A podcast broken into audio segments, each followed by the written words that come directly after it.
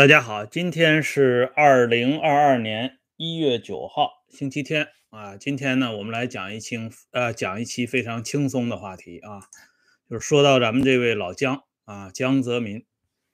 呃，今年呢，江泽民已经是虚岁九十六岁了啊，就是说他正在向他的第八个本命年挺进啊。这人一生啊，这个咱们小时候就说啊，这个。一到过生日的时候，大家最喜欢说的就是祝你长命百岁，因为这个百岁呀，啊，在咱们中国人的概念当中，那是不得了的啊。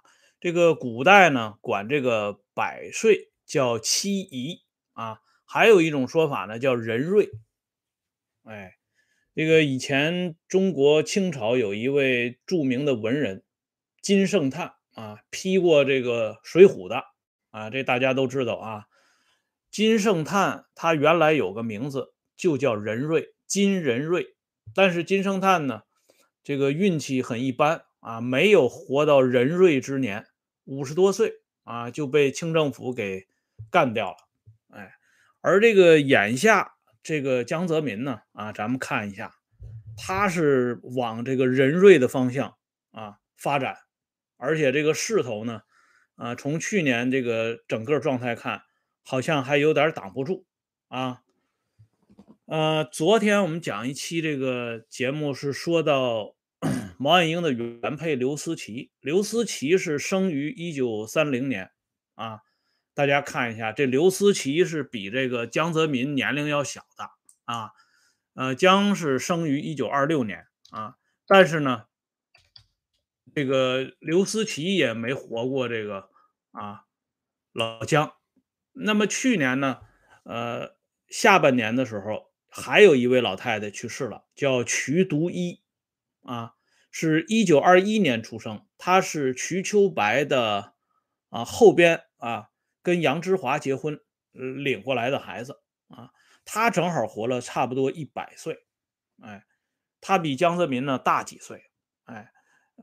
但实际上呢，啊，咱们说他也走这个江泽民头里了，哎，所以这老江这个人现在啊，咱们说他的这个年龄段，为什么今天我们拿来讲一讲？我们先从这个古代说起。这个以前有一句老话：“三皇五帝到如今啊，从这个秦始皇统一六国到清朝宣统皇帝退位，中国这两千多年的啊，这封建王朝。”呃，诞育了两百多个皇帝，你是大一统王朝的皇帝啊，还是偏安割据的这个小霸王啊？等等啊，两百多位，这两百多位皇帝加在一起啊，从秦始皇到爱新觉罗溥仪啊，他们当中活过八十岁的啊，这叫耄耋呀啊，能活过八十岁的人不多啊，一共有四个啊，据说是五个。但是第一个呢，这个南越的这个赵佗啊，据说活一百多岁，但是这个不可考证啊。有历史记载的四四位皇帝，第一个呢是这个南北朝时期南朝梁国的梁武帝萧衍，哎，萧衍呢是活了八十五岁，我说的都是周岁啊。第二个呢是这个唐朝的武则天。啊，武则天活了八十一岁。第三位是南宋的开国皇帝宋高宗赵构啊，活了八十岁。第四位皇帝是清朝的清高宗乾隆皇帝爱新觉罗弘历，活了八十八周岁。哎，这四个人呢是这二百多个皇帝当中这个寿数的佼佼者啊。呃，其中呢，你像这个。乾隆皇帝这是最不得了的啊，因为呢，你像梁武帝啊、武则天呐，还是宋高宗啊，他们三个人呢，都是算是开国皇帝啊。梁武帝是梁朝的开国皇帝，武则天呢是大周朝的开国皇帝。当然了，他也是大周朝的末代皇帝啊，因为一共就这么一个皇帝。第三个呢，宋高宗是这个南宋的开国皇帝。这开国皇帝呢，你不管他是什么状态啊，他都是风里来雨里去，经历了很多的波波折，所以他的这个身体呢，跟一般的这个啊其他的皇帝他不一样。你看这个明朝啊，寿数最长的就是明太祖和明成祖这两个开国皇帝啊，一个七十多岁，一个六十多岁。后边的包括嘉庆皇帝啊，那么练那么练，他也没练过这明成祖，只活了六十岁。哎，就是因为这两个皇帝呢，啊，这个一路啊摸爬滚打，人家经得起摔打，哎，所以这前边这三位开国皇帝活八十岁，八十岁以上，这是非常能够理解的啊。尤其是这梁武帝啊，梁武帝呢，人家长寿，人家有一个秘诀啊，就是说梁武帝萧衍呢是过了五十岁以后啊，不再跟女的啊。发生横的关系了，啊，甚至呢不与这个女的同房了，人家自己单独睡，啊，这养生呢就讲究节制啊。这武则天呢也很不容易，大家想一想啊，武则天先跟这个李世民这老公公睡觉，然后呢也再跟自己的丈夫唐高宗李治睡觉。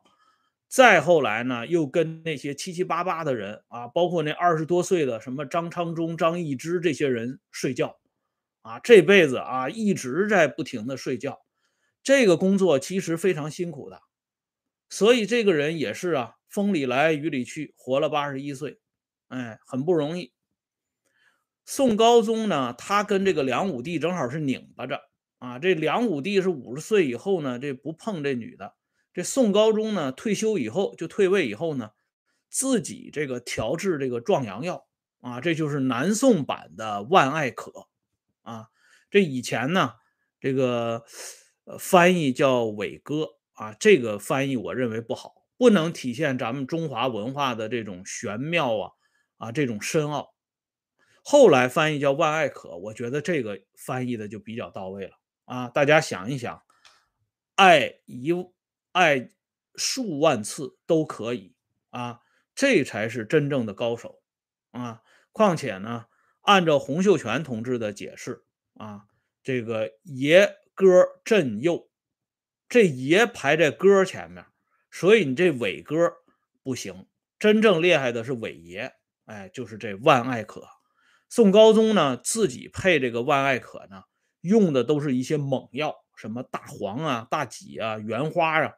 这在中医里边，一般人根本不敢用，但是人家用了以后呢，自己服用了啊，身体一点毛病都没有，说明这个人啊，这个体格非常壮实啊。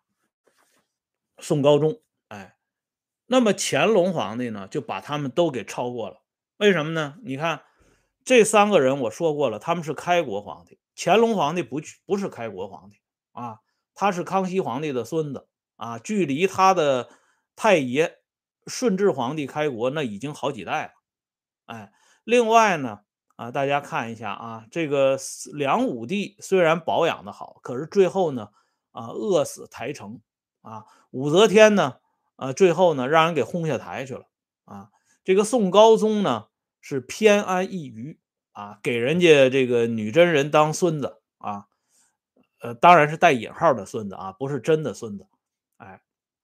并且呢，宋高宗他没有后代啊，没有真正的自己的后代，哎，而乾隆不一样，乾隆十多个儿子啊，十六七个儿子，然后一大堆姑娘啊，并且呢，人家退位呢，呃，权力还抓在自己手里，活到这个八十八岁，虚岁八十九岁啊，基本上是完胜以前这些所有的皇帝。可是这些人呢，加在一起跟咱们这个江泽民一比啊，就又都不行了。当然了啊，这个江泽民同志呢，跟这些封建皇帝是不一样的。但是咱们就说啊，咱们就单独说这个寿数，咱不谈这个他这个政治背景。其实呢，就拿老姜跟咱们这个党的历史上的历任一把手来比，那已经开创了一个记录了。啊，咱们这个党的创始人，大家都知道，也是第一任的老大，啊，陈独秀。陈独秀一八七九年出生，到一九四二年去世，啊，活了这个六十不到六十三岁，六十二岁，啊。这个毛泽东呢，他当年他说过啊，他在一九四九年以后有一次谈话的时候，他讲过，他说从这个陈独秀到我这里，我是第六朝。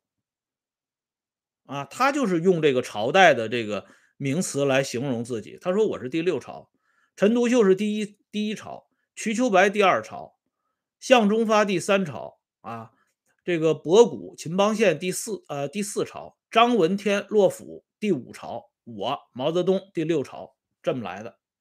所以按照毛的这个意思呢，咱们就顺一下啊，瞿秋白活了三十六周岁啊，被枪毙了。这向忠发呢，嗯，活了五十二岁，也被枪毙了啊。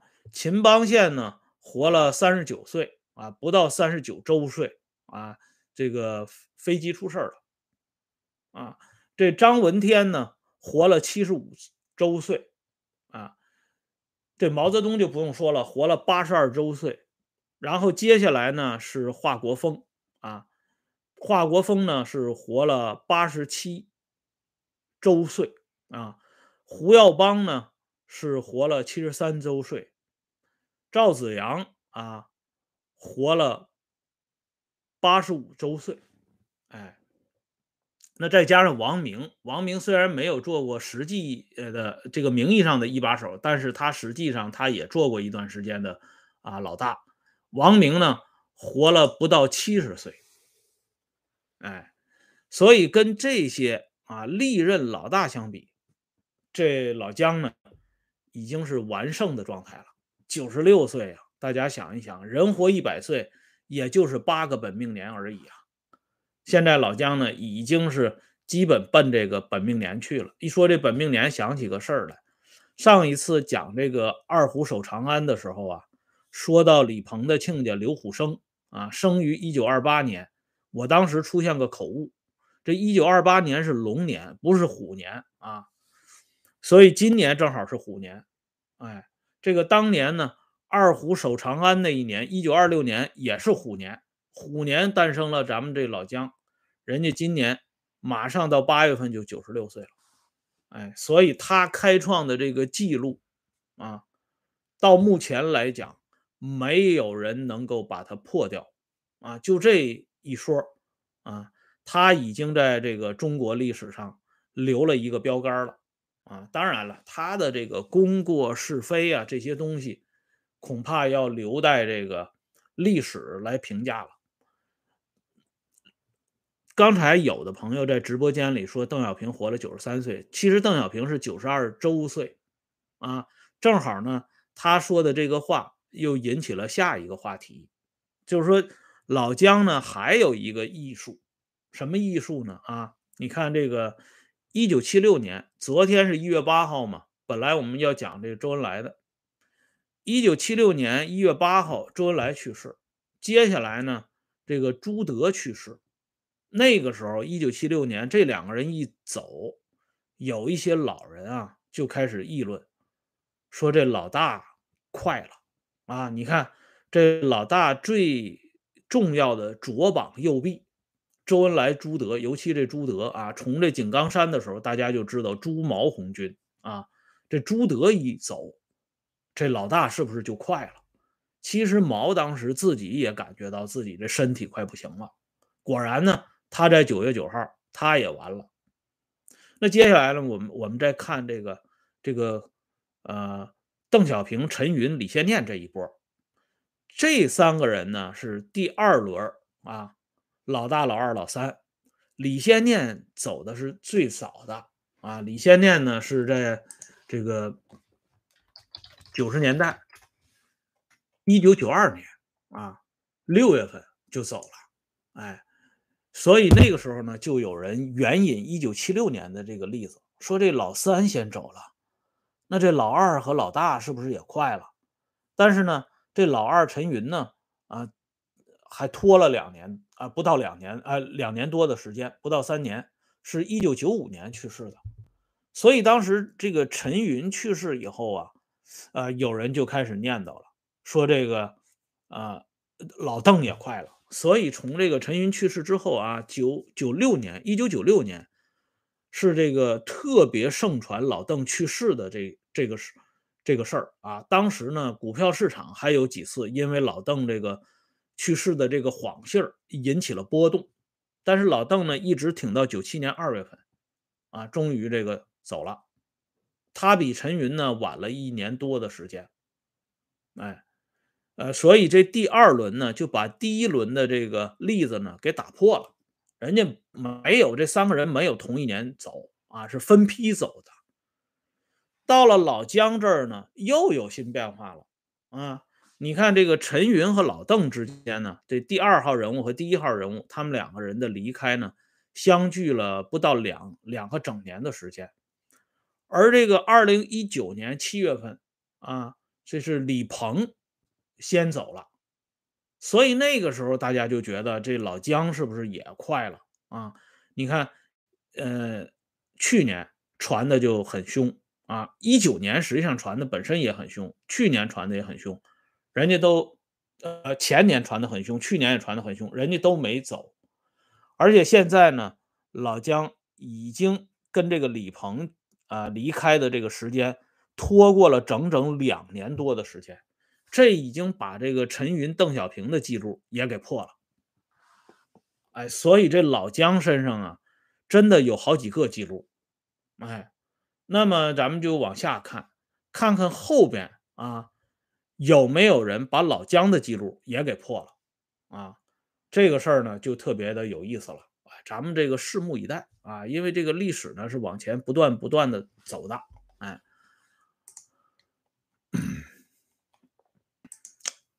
好了，今天呢，咱们这个节目呢就说到这里啊，感谢朋友们上来收看、点赞啊，明天我们接着聊，再见。